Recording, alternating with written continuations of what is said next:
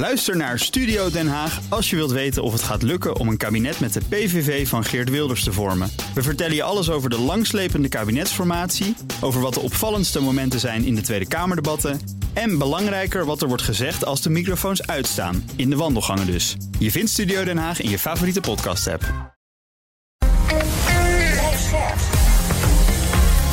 BNR Nieuwsradio. BNR breekt. Ivan Verrips. Goedemorgen en welkom. Vanaf half twaalf praat ik over het nieuws van de dag. Tata Steel-medewerkers maken zich zorgen over een mogelijke sluiting van de fabriek in IJmuiden. Hoe erg zou dat zijn? We praten over het ledenaantal van FNV. Dat is hard gestegen in september. Nee, de vakbond was toch dood. En een klimaatactivist op zoek bij Jinek, zonder Jinek, waar hij een onvergetelijke indruk achterliet. Oh, dat is twee componentenlijm. Ik zit hier vast. In een live programma. Ja, je weet al wat daar gebeurt. Ik krijg opeens zin in soep en puree, maar dat terzijde. In mijn panel vandaag Annelies Snijder, eigenaar van online administratiekantoor SFAA... en PAS BV, Plan Economie en Gebiedsontwikkeling. Goedemorgen. Fijn dat je er bent. En Piet Rietman, econoom bij het Economisch Bureau van ABN AMRO. Goed dat je er bent. Hey, goedemorgen. We gaan beginnen met... BNR breekt. Breekijzer. En het breekijzer heeft te maken met onze economie. We zitten in een recessie, een milde. Maar toch, dat zeggen meerdere economen eigenlijk al wat langere tijd. En gisteren kwam ook ING-hoofdeconoom Marieke Blom bij Nieuwsuur tot die conclusie. Is natuurlijk al eh, lang onrustig op het economisch toneel. Denk aan de hoge inflatiecijfers door de op hol geslagen gasprijzen. Veel sectoren die schreeuwen om personeel. Fabrieken die eh, producten niet op tijd kunnen leveren... door gebrek aan grondstoffen, nasleep van coronalockdowns... een soort perfect storm. En nu zitten we dus in een recessie. Achteruitgang, terugval, krimp. Allemaal woorden die niet per se een positieve connotatie hebben. Aan de andere kant... Is dat eigenlijk wel echt zo erg? Is het misschien niet ook goed als de economie ja, een beetje afkoelt? Een beetje crisis is misschien precies wat we nodig hebben. En daarom ons breekijzer vandaag. Een kleine recessie komt als een geschenk uit de hemel. Hoe denk jij daarover? Pak je telefoon, bel naar 020 468 4x0. Dus 020 468 4x0. Dan praat je zo mee in de uitzending.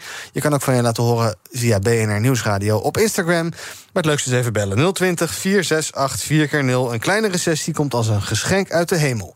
Um, ik uh, ben heel benieuwd naar jullie mening. Ik begin bij Annelie. Wat vind jij als je dit zo hoort de afgelopen dagen, weken eigenlijk al wel? Maak je dan zorgen of denk je, nou, de boel mag ook wel eventjes een beetje afkoelen? Nou, ik maak me best wel een beetje zorgen.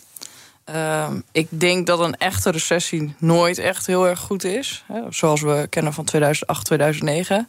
Uh, maar wat je nu natuurlijk wel ziet, is dat de rente wat afvlakt. Uh, de gas is al onder de 100 euro. En dat zijn natuurlijk wel uh, positieve berichten. Mm -hmm. toch denk ik, eh, ben ik het niet eens met de stelling.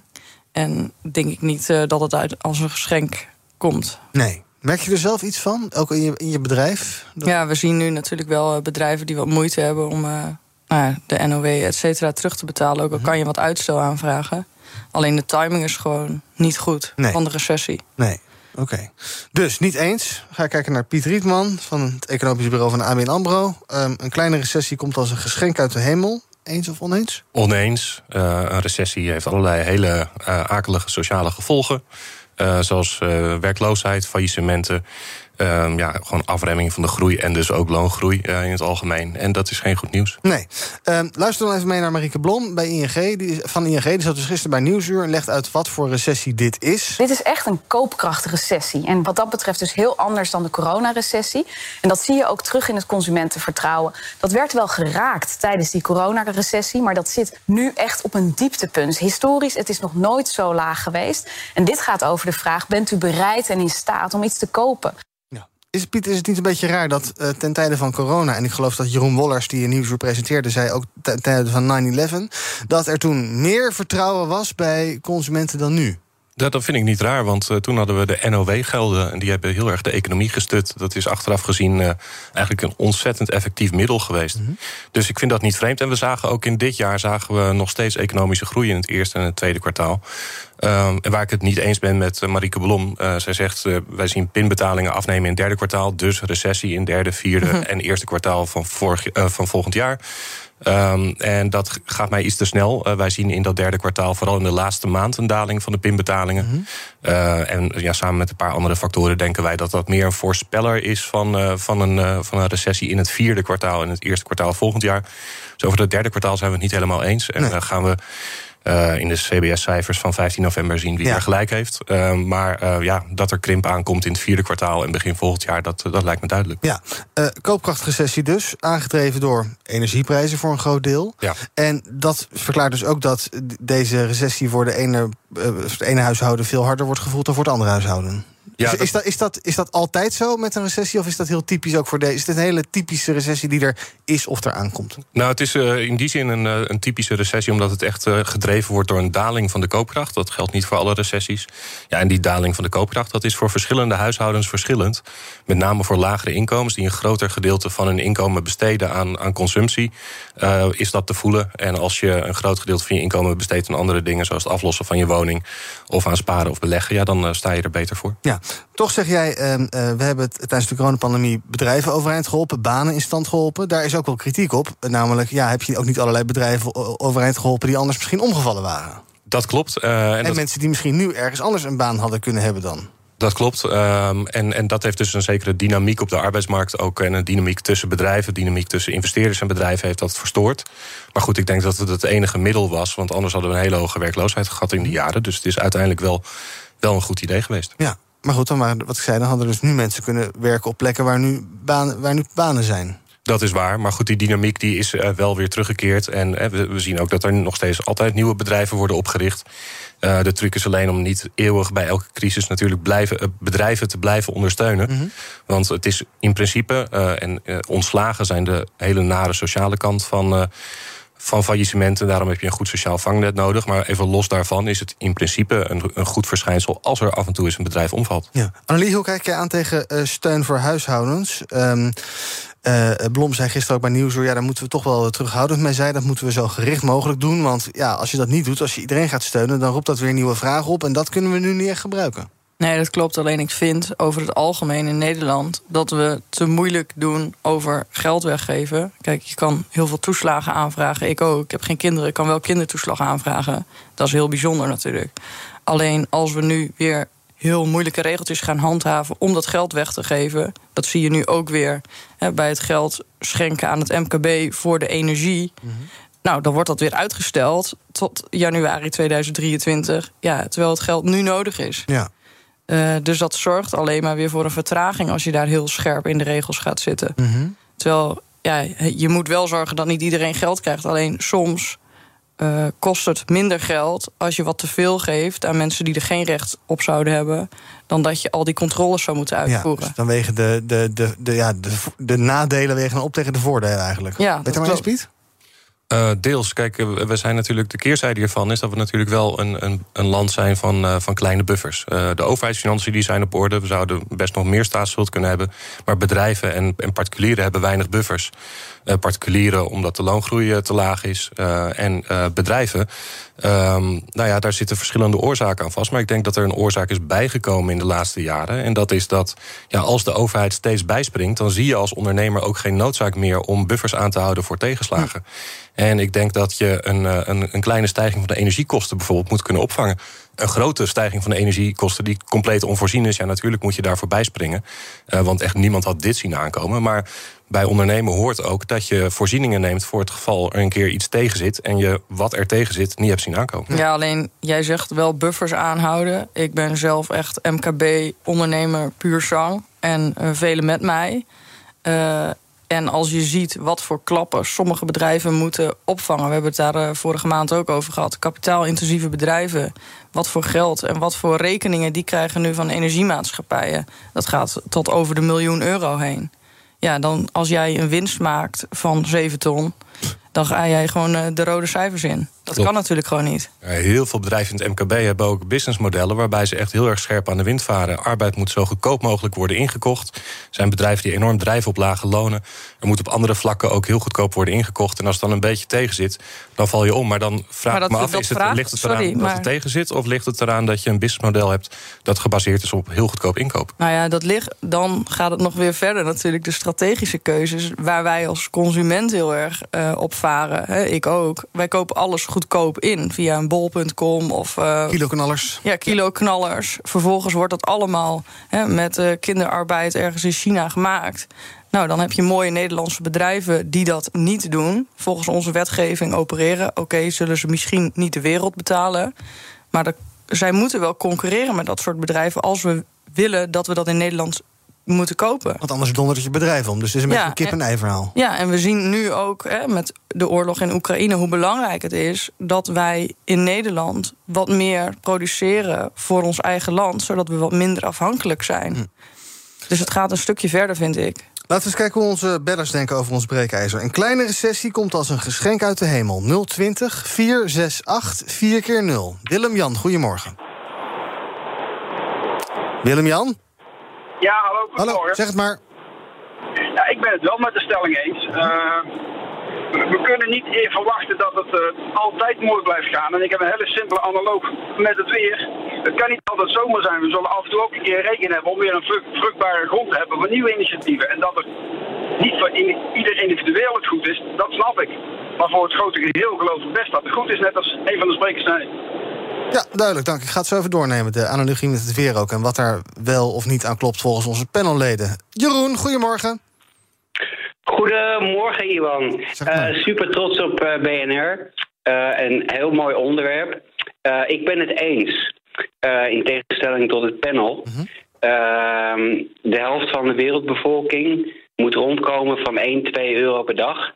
En Nederlanders kunnen alleen maar zeuren en klagen. Hmm. Ja, hebben, ze geen, hebben ze geen punt dan? Nee, want uh, ze klaar. Um, laat ik het anders zeggen. Ja. 1% van de wereld, of 1% van de wereldbevolking, uh, beheert uh, de helft van de wereld. Mm -hmm. 50% van de wereld.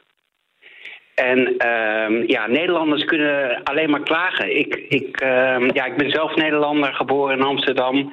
Maar uh, ja, ik, ik ben het klaag van Nederlanders uh, een beetje zat. Ja, we moeten wel meer ballen tonen, dus uh, vind jij. Dank voor het bellen. Even kijken, twee of drie bellers nog. Meneer Akkas, goedemorgen. Ja, goedemorgen Iwan, alles goed? Zeker, en met u lang niet gesproken.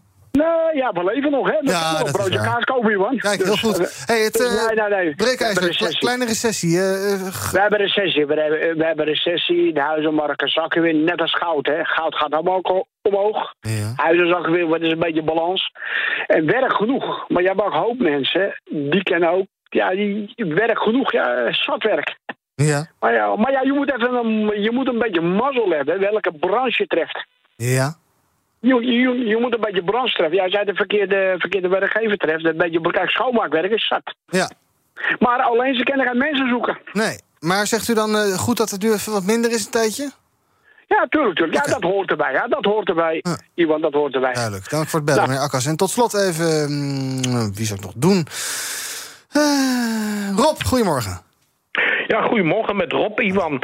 Ja, ik zou zeggen een kleine economische afkoeling... Uh, omdat de economie oververhit is om de vraag wat te verminderen. Dat is al goed, maar ik denk dat we geen idee hebben van wat er aan de hand is. Kijk, er wordt naar gekeken met een economische groei... wordt afgemeten in euro's. Maar die euro's die worden steeds minder waard, ook als je kijkt ten opzichte van de dollar.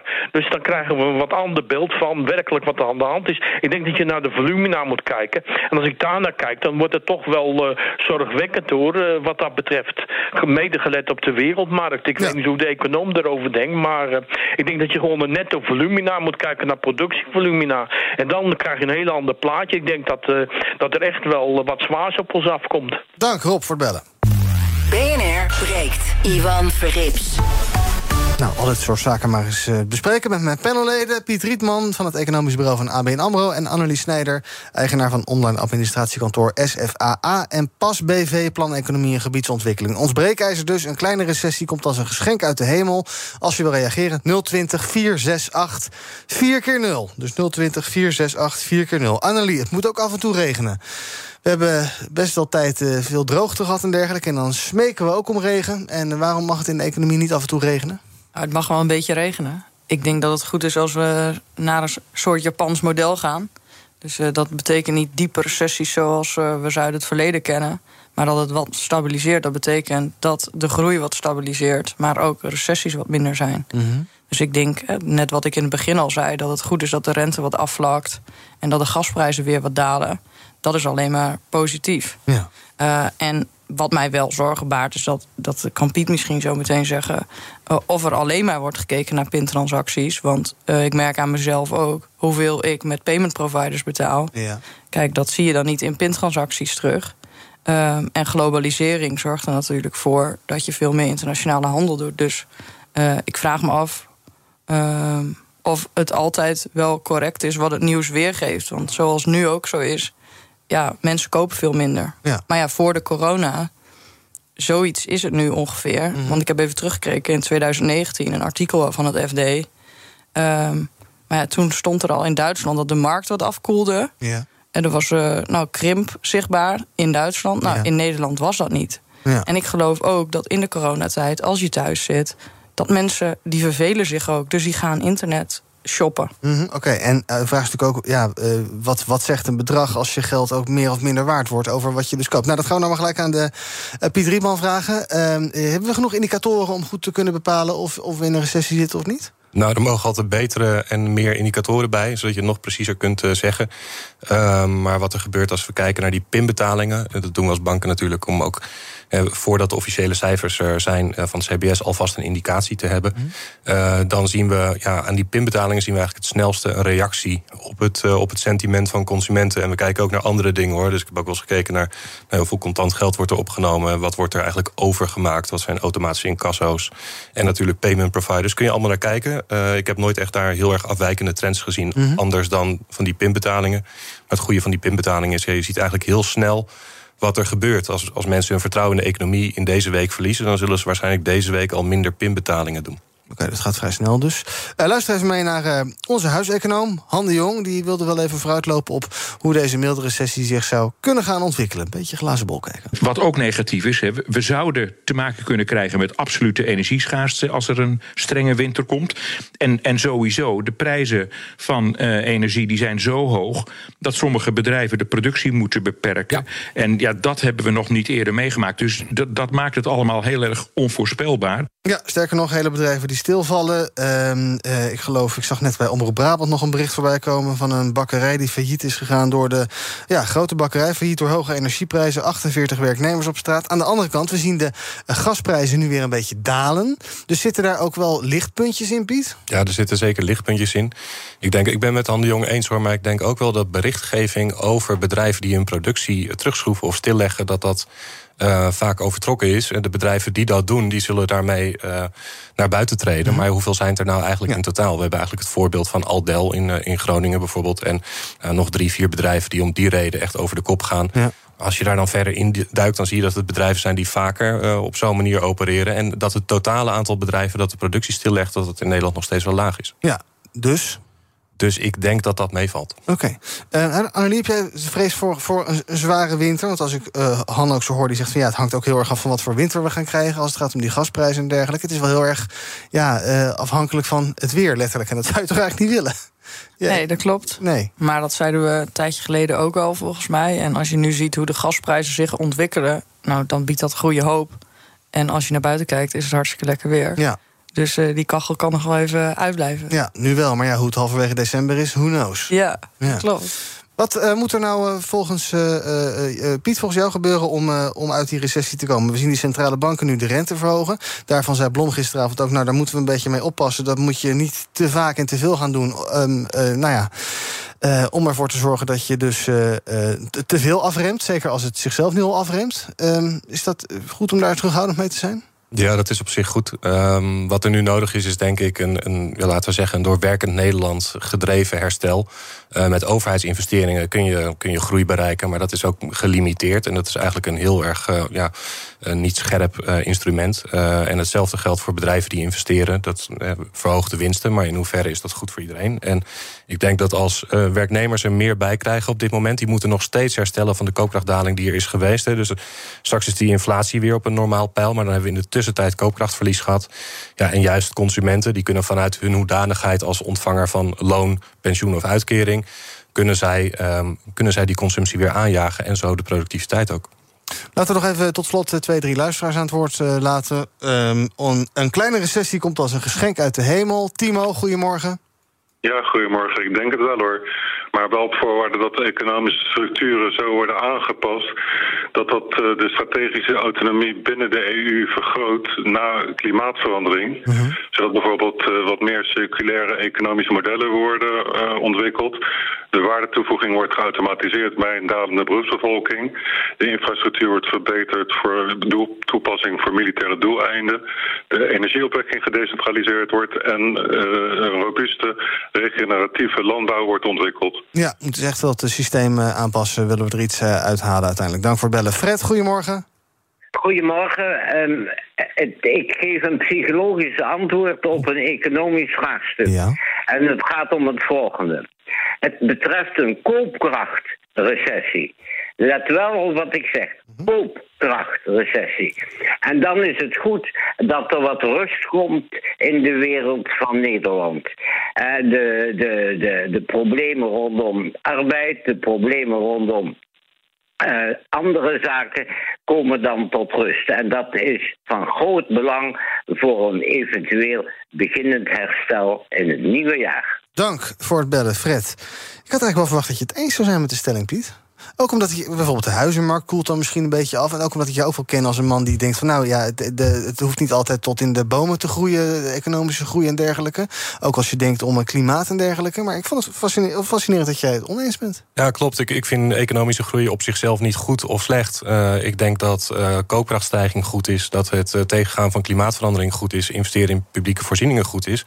Ja, en sommige van die, van die acties, afhankelijk op welke manier je het uitvoert, zorgen voor economische groei en andere voor economische krimp. Dus ik denk dat we veel meer moeten kijken naar... oké, hoe creëren we meer welvaart voor Nederlanders uh, in brede zin?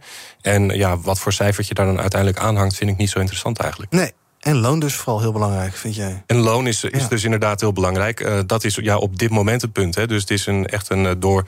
Die consumptiedaling is echt gedreven door koopkrachtdaling. Ja. Uh, mensen kunnen gewoon niet meer kopen. En dat betekent dat als we de economie weer moeten aanjagen, dat op zijn minst voor een langere tijd uh, de lonen hoger moeten uh, liggen dan de inflatie. Annelie, hoe bereid jij je ondernemingen voor op een uh, gure winter, economisch gezien?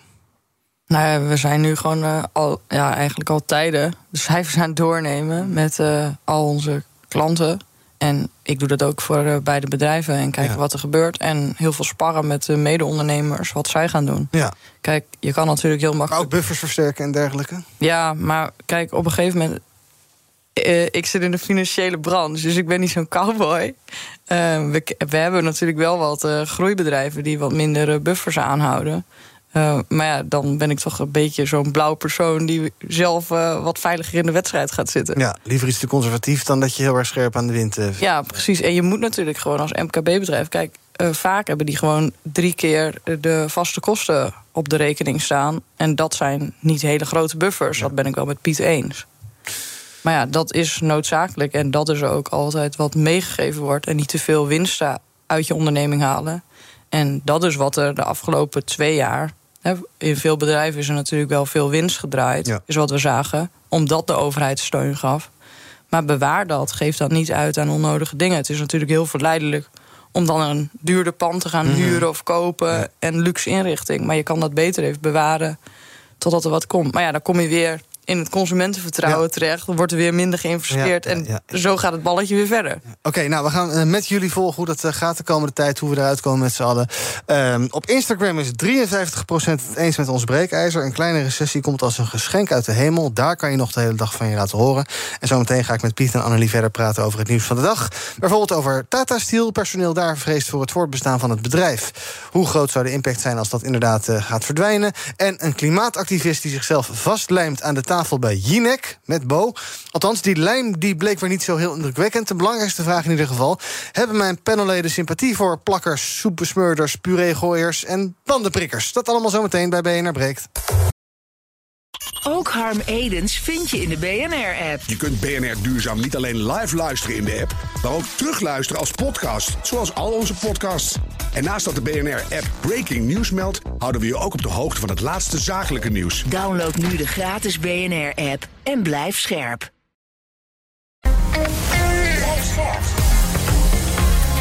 BNR Nieuwsradio. BNR breekt. Ivan Verrips. Welkom terug. In mijn panel vandaag Annelie Snijder. Zij is eigenaar van online administratiekantoor SFAA... en van PAS BV, Plan Economie en Gebiedsontwikkeling... en Piet Rietman, econoom bij het Economisch Bureau van ABN AMRO. En we gaan praten over het nieuws van de dag. Te beginnen bij Tata Steel. Personeel van Tata Steel is bang voor sluiting van de fabriek in IJmuiden. Ze vrezen dat de toezichthouder de handhaving op de kooksfabrieken verder aanscherpt, waardoor die misschien zouden moeten sluiten. En dat zou dan ook gelijk het einde van heel Tata Steel, de hele staalfabriek, uh, betekenen. Uh, voorzitter Sinta van Groos van de Centrale Ondernemingsraad van het bedrijf legt uit hoe dat precies zit. Wat niet veel mensen zich realiseren is namelijk dat als je zo'n kooksfabriek sluit, dat dat een enorme impact heeft op de rest van het bedrijf. We zijn een, een, bedrijf met ketens. Het is een soort, de ene fabriek voedt de andere. Dus op het moment dat je daar iets uithaalt, dan stort eigenlijk het hele bedrijf eh, in. En daar willen we voor waarschuwen en mensen sowieso van bewust maken dat er, dat, risico er is. Ja, nou is er dus angst voor de gevolgen. Als die toezichthouder uh, dat doet, die kookfabrieken sluit, uh, dan dondert dat hele kaarthuis om, zegt mevrouw van Groos. Um, is dat iets om, om rekening mee te houden, Annelie? Ehm, we weten Tata, Tata Steel is een omstreden bedrijf mensen die daar in de buurt wonen, die hebben allerlei klachten, vinden uh, roet in hun tuin, viezigheid. Dus er is misschien allerlei reden, allerlei reden om te denken, daar moeten dingen anders. Uh, is sluiting, uh, nou ja, misschien een scenario daarin, wat jou betreft? Mm, ja, nou ik vergelijk het altijd een beetje met die film van Erin Brockovich. Ik weet niet of jullie die kennen. Zeg maar niks, maar. Oh, dat, dat, gaat ook over uh, dat mensen in een bevuild gebied wonen zonder dat ze het doorhebben.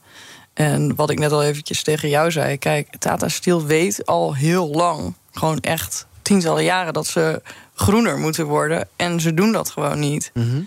uh, ja, de angst daarvoor ontstaat dan dat de overheid zich wel een keertje beroept van: hé hey, jongens, jullie moeten aan de regels houden en groener worden. Ja. Uh, dus misschien is er geen rekening mee gehouden in de strategie uh, twintig jaar geleden om te kijken van: hey, hoe moeten we nou groener worden? Mm -hmm dan wordt het natuurlijk wel een probleem. Alleen ik denk dat het dan wel weer heel erg is voor alle werknemers. En zoals eh, deze dame ook zegt, ja, het heeft echt impact op Tata Steel als geheel. Ja. Bedrijf zijnde. Ja. Ja, en uh, je zegt het bedrijf heeft daar dus eigenlijk niks mee gedaan met, met uh, de noodzaak dat het groener zou worden. Maar de overheid heeft het ook nooit echt afgedwongen. Nee. Dus ja. Uh, zoals dat met een mooi woord heet, zou de overheid eigenlijk het bedrijf accountable moeten houden, uh -huh. zodat ook de plannen worden gehaald. Ja. En dat is, denk ik, als buitenstaander in deze niet gebeurd. Nou zijn er dus wel plannen om over te gaan uh, uh, naar, naar groenstaal met waterstof. Uh, dat gaat allemaal nog even duren, maar daar wordt wel aan gewerkt. Is het dan fair, Piet, om te zeggen ehm, die toko moet dicht? Nee, dat vind ik eigenlijk niet fair. Um, Kijk, er is, er is, natuurlijk helemaal niemand die ontkent dat de milieubelasting in de regio uh, groot is. En dat we daar iets aan, aan, moeten doen. En dat die milieubelasting zal afnemen als die kooksfabrieken zijn gesloten. Mm -hmm. Wat ik ook begrijp. Uh, ik heb vanochtend eens zitten kijken naar wat nou precies die ondernemingsraad voor, voor onderbouwing heeft. Zij zeggen van nou ja, als je die kooksfabrieken sluit heb je ook geen kooksgas meer. En dan moet je in andere onderdelen van het bedrijf moet je gewoon gas gaan gebruiken. Nou, zoals we weten is de prijs daarvan uh, hoog. En mm -hmm. zij claimen dat andere onderdelen van het bedrijf en dus het hele bedrijf dan kan omvallen. Um, ik vind dat een, een valide onderbouwing. En het lijkt mij dat bij een bedrijf, want dat is dus de keerzijde, um, bij een bedrijf waar werknemers en bedrijven op dit moment samen aan het kijken zijn naar hoe ze groen staal kunnen produceren in de toekomst, dat je ervoor moet zorgen dat dat traject blijft lopen. Uh, op, de, op de langere termijn kan dat iets zijn dat de staalproductie in Nederland heel erg vergroent. Ja. Uh, en um, ja, vergelijk het eens met het bouwen van een windmolen. Dat, mm -hmm. dat levert ook CO2-uitstoot op om hem te bouwen. Maar op de lange termijn is dat natuurlijk een hele goede investering. En zo denk ik ook dat we het overeind houden van een bedrijf waar wordt gewerkt aan vergroening samen met werknemers, dat we dat ook zo moeten zien. Ja, ook als dat nu dus niet aan allerlei normen voldoet en viezigheid is. Ja, en ik denk dat je dat dan vervolgens heel goed moet uitleggen, met name aan die omwonenden. Maar ja. ik denk dat het een lange termijn investering is om juist dit bedrijf open te houden. Ja, dus eigenlijk dat je nu een plan maakt waarin de overheid Tata Steel wel accountable gaat houden. En zegt van goh, over tien jaar of over vijf jaar, ik weet niet hoe snel dat zou kunnen natuurlijk dan zijn we volledig groen. Ja, dat, dat plan wordt, uh, is, al, is al gemaakt, wordt al gemaakt samen met, uh, met werknemers. En ik ben het eens met wat jij net zei. Twintig jaar geleden had natuurlijk al een plan gemaakt moeten worden. Dat geldt eigenlijk voor een groot deel van het bedrijfsleven. Als je weet dat klimaatverandering een realiteit is, dan had je dus al veel eerder moeten ingrijpen in je bedrijfsvoering zijn aan de late kant. Maar het is een heel positief initiatief dat samen met werknemers gekeken wordt hoe je de boel kunt vergroenen. Oké, nou wat jullie betreft hoeft de toko daar dus niet dicht. Wat FNV betreft trouwens, um, het gaat allemaal in de kranten en op de radio op tv over uh, inflatie en arbeidstekorten. Uh, dat blijkt voor eh, FNV, de vakbond, goed nieuws, althans als het gaat om hun ledenaantallen. Voorzitter Tuur Elsinga meldt aan trouw dat er vorige maand, zeg ik het goed, ja, 4500 nieuwe leden hebben ingeschreven. Terwijl het er normaal maar rond de 25 2500 zijn per maand. En ook schrijven minder leden zich uit dan, dan normaal. Um, uh, is dat verklaarbaar, Annelie? Denk je dat mensen, dat werknemers ook zoeken naar ja, zekerheid en uh, uh, dat misschien hopen te vinden in een vakbond, wat toch een beetje bekend staat als een soort stoffig dingetje waar ja, wat een beetje einde verhaal is? Het lijkt wel een beetje hip om te gaan staken en mee te doen, ja. vind ik zelf momenteel. Want wij zijn eigenlijk helemaal geen stakingsland hè, in vergelijking met Frankrijk of iets dergelijks. En wat ook in dat stuk staat, is dat er dus heel veel jongeren zijn tot 20 jaar die zich hebben aangesloten. Mhm. Ehm, ja, het lijkt nu een beetje alsof het makkelijk verhogen is van je loon. Om je aan te sluiten bij een vakbond. Zo voelt het een beetje voor mij. Terwijl dat niet het idee moet zijn. En FNV is tijdens de corona ook haast niet gegroeid. En is juist heel veel vergrijzing geweest. Dus als je nu kijkt dat er nu heel veel mensen bij zijn gekomen. Ja, in de afgelopen twee jaar niet. Misschien is er ook wel een run geweest waardoor dat komt. Ja, een beetje een inhaalslag misschien. Ja, ik, Hou, ik ben zelf MKB-ondernemer. Dus ik hou niet zo van vakbonden. En, nou ja, maar daar gaan we misschien zo meteen nog verder over praten. Ja, nou, daar ben ik inderdaad wel benieuwd naar. Want op zich is het best begrijpelijk, toch? Als je zegt van nou, ik vind dat er meer geld bij moet bij mijn salaris. Uh, ja, dan sta je sterker als je een uh, club als FNV achter je hebt. In plaats van dat je zelf naar je baas gaat. Ja, is niet altijd zo. Want uh, ik las ook over een tegenslag bij de AWN Amro. Die nieuwe CEO is er ook gewoon doorgekomen. Mhm. Terwijl FNV tegen was. Oké, dus het kan wel. Um, Piet, uh, begrijpelijk dat uh, mensen naar de, naar de vakbond uh, neigen? Jazeker, ik vind dat een hele goede ontwikkeling. Ehm, ik, ik zit me daar de laatste tijd ook meer in te verdiepen in die cijfers. Hè. Ik analyseer de loongroei in Nederland. en de afgelopen jaren was dat eigenlijk een heel eenvoudige baan. Namelijk, je moet kijken hoe het met de arbeidsmarkt krapte is. Hoe krapper, hoe hoger de loongroei. Mhm. Dat is een hele sterke correlatie. Maar de laatste maanden gebeurt er iets heel anders in Nederland. En begint steeds meer de loongroei te correleren met aantal stakingsdagen. En hm. ook met nou ja, hoeveel ehm, mensen mensen deelnemen aan een staking en ook wat voor type staking het is. En ja, je ziet dan eigenlijk in Nederland zie je altijd een, een stabiel aantal stakingsdagen. Dat is ineens hoger. En in de sectoren en bedrijven waar wordt gestaakt, is de loongroei ook echt hoger. Dus weet je, die, die 17,50 euro die je betaalt om lid te worden voor een vakbond, dat is op dit moment gewoon echt een hele goede investering. Dat heb je, als er één succesvolle CAO is, heb je dat er alweer uit. En, en daarna de volgende loonsverhogingen bouwen allemaal voort op deze ene waarbij je gestaakt hebt. Dus uiteindelijk um, ja, is het een, eh, een open deur, denk ik, om lid te worden van een vakbond. Gaan we een beetje Frankrijk achterna? Worden staken loont? Dat weet ik niet. Ze hebben daar echt een heel ander systeem, ook een heel ander type stakingen. Maar wat je ziet in, uh, in Nederland is dat uh, ook het, het type staking, en dat is wel een mooie parallel met Frankrijk, dat het type staking ook heel erg uitmaakt. Als je met een paar collega's op een plein gaat staan uh, met een paar spandoeken, dat heeft op zich niet heel veel zin. Mm -hmm. zeker niet als je het in je pauze doet. maar je moet echt het werk neerleggen. je moet echt economische schade toerichten aan een bedrijf of aan een sector dan wordt het gevoeld in de omzet en dus de winstcijfers. En dan gaat een bedrijf sneller overstag. En dat zien we in Nederland uh, bij de NS. Ik denk dat we het gaan zien bij uh, streekvervoer, bij de Bijenkorf. Op het moment dat er echt de bedrijfsvoering in de knel komt, zul je zien dat die bedrijven heel snel in beweging komen en een hoger loonbod neerleggen. Ja, snap jij dat uh, gruwelt van vakbonden? Ja, dat zou ik ook vinden als ik MKB'er was. En dat is heel legitiem de belangen van bedrijven en werknemers die staan haaks op elkaar. En ja, hoe, maar niet alleen hoe lager de loon, hoe hoger de winst. Ja, maar niet. Sorry dat ik je even onderbreek. Maar niet alleen voor werknemers. Want wanneer ging de NS staken? Midden in de ontgroeningsweken van de universiteiten en de hogescholen. Terwijl dat is juist hartstikke belangrijk. Zeker, Zeker na die coronajaren. En er was juist bij studenten ook veel begrip voor deze, voor deze stakingen. Dat hebben ze ook goed uh, gecommuniceerd, vind ik. En goed, uh, goed gepeild. Uh, kijk, het idee van een staking is natuurlijk dat het pijn doet. op het moment dat ze in een supermarkt staken, ja, dan is dat heel erg vervelend voor mensen die hun boodschappen doen. Dat is het idee van een staking. En ik denk, naarmate je meer stakingen hebt in Nederland, dat mensen ook zullen snappen: ik heb last van deze staking. Maar volgende keer dat ik fabriekstaak zijn mensen in een andere sector weer solidair met mij. Ja, Annelie, wat is jouw beste argument tegen de vakbond? Dat je zegt van joh, begin daar niet aan. Of, of moeten mensen dat wel lekker doen als ze daar lid van willen worden? Nou ja, ze mogen het zelf weten Ja. natuurlijk. Maar jij vindt het flauwekul.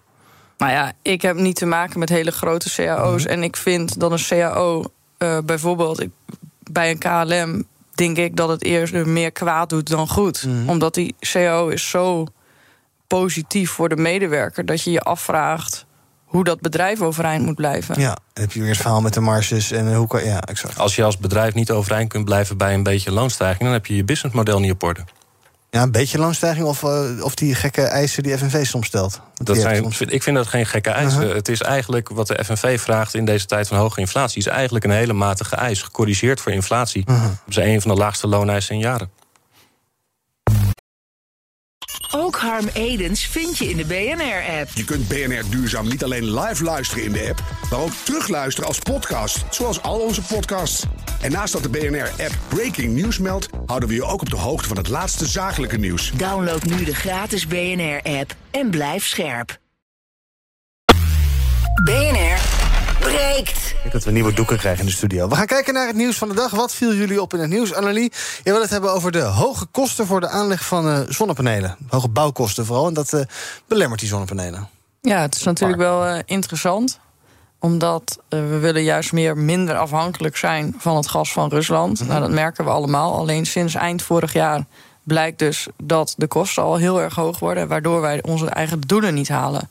Dus ik ben wel nieuwsgierig, zeg maar, hoe dat opgelost dient te worden. En we willen wel van alles, maar zouden we niet een betere strategie moeten hebben om dat te bewerkstelligen? Ja. Kan je eens een voorzetje geven? Wat zou je, wat zou je wenselijk vinden? Nou ja, eigenlijk zou je hetzelfde moeten hebben. Hè, met, eh, als we met Tata Steel over hadden. Dat er gewoon een eh, plan komt met verschillende mensen die daarin zitten. En dat er ook weer die accountability wordt gehaald. Hè. Zoals eh, binnen bedrijven moet je vaak KPI's halen. Ehm, dat heb jij waarschijnlijk zelf ook. Eh, en meerdere mensen. Nou, dan zou het goed zijn als we ook afgerekend worden op die KPI's. En wat meer als een bedrijf zouden gaan functioneren in, eh, binnen de BV Nederland. Ja. Om te zorgen dat we onze eigen gestelde doelen ook gaan halen. Ehm, en ja, zoals eh, inkoopkosten en productie, ja, daar kunnen we wel wat rekening mee houden. Maar dat is natuurlijk heel hoog geworden momenteel.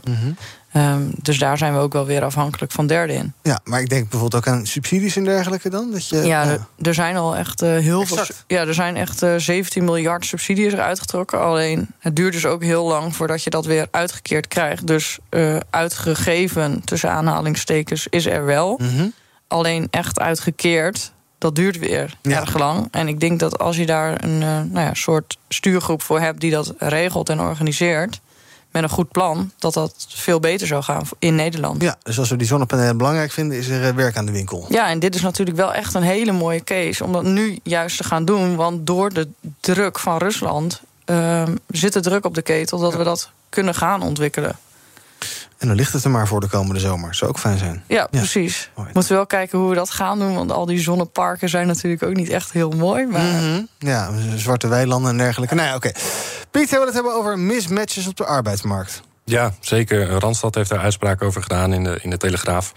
En die zeggen van, ehm, nou ja, de arbeidsmarkt is heel krap. Ehm, de, het is wel zo dat de vraag naar personeel eh, lijkt te stabiliseren. En ze zeggen van, ja, alsnog eh, leiden we eigenlijk heel veel mensen op voor werkloosheid. En dat eh, als in een tijden van krapte nog steeds heel veel mensen langs de lijn staan, langs de kant staan, dan, dan is er iets mis met de opleidingen die wij bieden. En ik- toen ik dat las, dacht ik van deze redenering klopt gewoon totaal niet. juist, juist als er personeelstekorten zijn, eh, moet je je als werkgever inspannen om ervoor te zorgen dat mensen met een opleiding die niet helemaal past eh, bij wat je aanbiedt als vacatures, ehm, om die mensen om te scholen en op te leiden binnen je bedrijf. Werknemers staan sterker omdat er personeelstekorten zijn. En dat kunnen ze ook gewoon vragen. Dus je kunt ergens solliciteren waar je je niet helemaal aansluit. En nog steeds een goede kans hebben om aangenomen te worden. Ehm, weet je, de, de, de, keerzijde is een beetje dat. Uh, Randstad heeft gelijk hè, in die zin dat als, als het je echt om kans op de arbeidsmarkt gaat, ja, inderdaad. Dan zou ik ook tegen je zeggen: ga naar het MBO om elektricien te worden. En mhm. ga niet naar de universiteit om antropologie te studeren. Mhm. Je hebt gewoon een hoger salaris op een gegeven moment uh, en veel betere baankansen. Uh, maar niet alle mensen gaat het daarom. Er zijn ook heel veel mensen die denken: ik vind het interessant om antropologie te studeren. En dat heeft een toegevoegde waarde voor de samenleving, die niet in euro's uit te drukken is. Nou, dat is een hele legitieme keuze. Ja, en vervolgens kom je terecht op een arbeidsmarkt die krap is. En uh, zullen toch die werkgevers zich in moeten spannen om jou binnen te halen. Ja, maar zijn er dan geen uh, bullshit-opleidingen? Um, ja, dat, is, uh, dat hangt vanaf of je dat, of je dat zelf vindt. Vanuit uh-huh. het perspectief van de arbeidsmarkt is antropologie inderdaad een, meer een bullshit-opleiding dan, uh, dan elektricien worden. Maar goed, uh, mensen volgen ook om andere redenen een opleiding.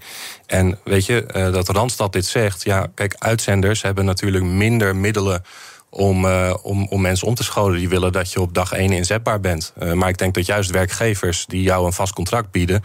en die je een lange termijn perspectief kunnen bieden... dat die in tijden van deze personeelstekorten kunnen en moeten investeren in de, in de herscholing van werknemers. En die investering krijg je ook terug daarna? En die krijg je als het goed is dan terug. Ja.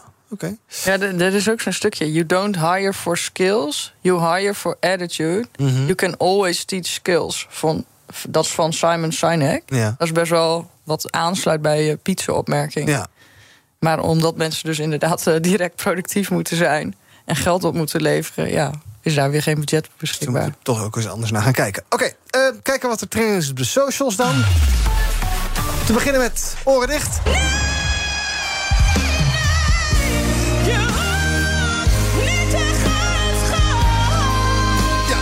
Grace moest wel gaan naar de rechtbank deze ochtend. Want daar uh, wordt ze geconfronteerd met uh, beelden van dat geweld in de Jumbo. De rechtszaak tegen de zangeres begint vandaag. Openlijke geweldpleging en mishandeling in vereniging en met voorbedachte raden. Later kwam er ook nog bedreiging bij. Die beelden worden nu in de rechtszaal getoond. En de misdaadverslaggever van de Telegraaf, Saskia Belleman... twittert erop los met alles wat ze daar te zien krijgt. En dat is best wel veel. er is ook gescholden, geloof ik. Ik steek je neer, dat soort dingen. Nou, heel interessant. Verder, um, trending. Hashtag Ajax hashtag Liverpool. Vanavond moeten de godenzonen uit Amsterdam... het eindelijk maar weer eens een keer laten zien in de Champions League. En ook eh, Black Friday is trending. Begint pas over een maand hoor, maar nu al trending. Want uh, ja, er komt eigenlijk misschien amper Black Friday... uit een rondgang van nu.nl en in retail... blijkt dat veel winkels dit jaar niet met hoge kortingen komen... tijdens de Amerikaanse kortingsdag. Kijken wij nog heel eventjes naar gisteravond op tv. Een klimaatactivist plakte zichzelf vast aan de talkshowtafel van Jinek. Gepresenteerd door Bo. Um, om een punt te maken. Hier niet over hadden toen honderden, duizenden Pakistanen deze zomer hun um, te maken hadden met gigantische overstromingen veroorzaakt door de klimaatcrisis. Ja, vraagt dus aandacht voor het klimaat. Uiteindelijk wist de beveiliging de activist van tafel af te krijgen door de tafel zachtjes ja, een beetje om te kieperen. En toen dat gebeurde, toen hoorde je dit in de reclame. Jongens, ik laat hem hier zachtjes zakken. Dan gaat hij vanzelf naar beneden. Ik zit vastgelijmd. Ah, kanker. Ah. Ja. Hey, hey, rustig. Nee, ik val niemand aan, man. Ik trek mijn hand eraf. Ik trek mijn hand eraf. Nou ja, ik doe helemaal niks. Hallo, ja, hij bleek dus toch niet zo heel erg vast te zitten... maar gleed dus eigenlijk weer vrij soepel van de tafel af. Um, we hebben dus nu uh, lijmers gehad, we hebben pureegooiers gehad... soepgooiers, bandenprikkers, mensen die uh, banden van SUV's leegprikken. Uh, Annelie, dit activisme, vind jij dit gaaf of niet? Vind je ervan? Nee, ik vind het gewoon een hele verkeerde manier om aandacht te vragen. En, nou ja, en levert het nou echt zoveel op? Kijk, het voordeel voor hem is. We hebben het erover. Ja, we hebben het erover. En eh, heel Nederland eh, staat vol weer met dit nieuws. Dus mhm. in die end. En ik snap zijn frustratie wel. Dat echte problemen, dat die niet echt worden opgelost en aangepakt. zoals de zorg, onderwijs, klimaat, energie. dus ik snap wel dat, mhm. dat hij gefrustreerd is. Maar hoe je dat doet, ja, dat, dat vind ik gewoon een beetje. Ja. Okay. Domme actie eigenlijk. Okay, ja, ik gooi het ook wel een beetje op één hoop hoor. Tafel, uh, ja, vastplakken aan een tafel, uh, soep over een uh, schilderij gooien. Of een taart in een wassen beeld van King Charles. Banden van auto's lek prikken, Piet. Efficiënt. Goed. We hebben het er nu over, dus het is uh, uiterst effectief. Ja. Um, en, um, ja, bereikt het wat, is de vraag. Ik, ik, ik, denk trouwens dat die talkshow er ook heel blij mee is, gelet op de, de kijkcijfers. Mhm. En voor een klimaatactivist uh, ja, moet je alle middelen vinden uh, om aandacht te vragen. En is het nou zo gek dat op het moment dat het klimaat verandert, we kunnen het vandaag allemaal buiten zien, maar in, inderdaad, zoals hij in die uitzending zei, In Pakistan eh, voelen ze het aan hun lijven. Ja. Ehm, en weet je, klimaatverandering is niet een kwestie van het wordt gezellig een beetje warmer. Maar dat, is een, en dat, dat gaat mensenlevens kosten. Dat kost het dus al op dit moment. Eh, ik snap dus heel goed, zeker als je ehm, ehm, t- 20 of 30 bent, dat je denkt van ja, weet je, hier, gaan we we, doen. hier gaan we decennia mee te maken krijgen. Het wordt steeds erger. En ik snap het gevoel van urgentie heel erg. Ehm, dus we we moeten dat gesprek voeren, eh, ook aan de talkshowtafels, niet over al die, al die futiele onderwerpen waar het de hele tijd om gaat. Uh-huh, Glennis Grace bijvoorbeeld. ja, precies. Ehm, Banden prikken? nou ja, weet je wat het is? Eh, Zo'n activist als, eh, als gisteren, ja, die, hij zit met naam en toenaam in dat programma. Hij, hij wordt, neem ik aan, aangehouden en dan vervolgen, of niet eens. Maar. En, en dan, dan, dan legt hij een. eh, eh, en dat doen al die Extinction Mm. Rebellion eh, activisten. Hè, en, eh, en die mensen van die, van die actiegroep die nu in het Verenigd Koninkrijk eh, bezig zijn. Die zeggen gewoon voor de camera: Ik ben dit, dit is Ja. mijn naam, ik heb dit om deze reden gedaan. En ehm, ja, ze hebben het gevoel dat ze niet anders kunnen. Accountability weer, dus eh, ze staan wel voor wat ze doen. Alright, dank voor jullie aanwezigheid vandaag, Annelie en Piet. Morgen ben ik er weer met BNR Breekt. Tot die tijd volg je ons via de socials. En eh, nu gewoon lekker blijven luisteren, want Thomas van Zel is hier met Zaken doen. Ook Hugo Reitsma vind je in de BNR-app. Superhandig die BNR-app. Je kunt alle programma's live luisteren, breaking nieuwsmeldingen. Je blijft op de hoogte van het laatste zakelijke nieuws. En je vindt er alle BNR-podcasts, waaronder natuurlijk de belangrijkste, Boeken zijn in de wijk. Download nu de gratis BNR-app en blijf scherp.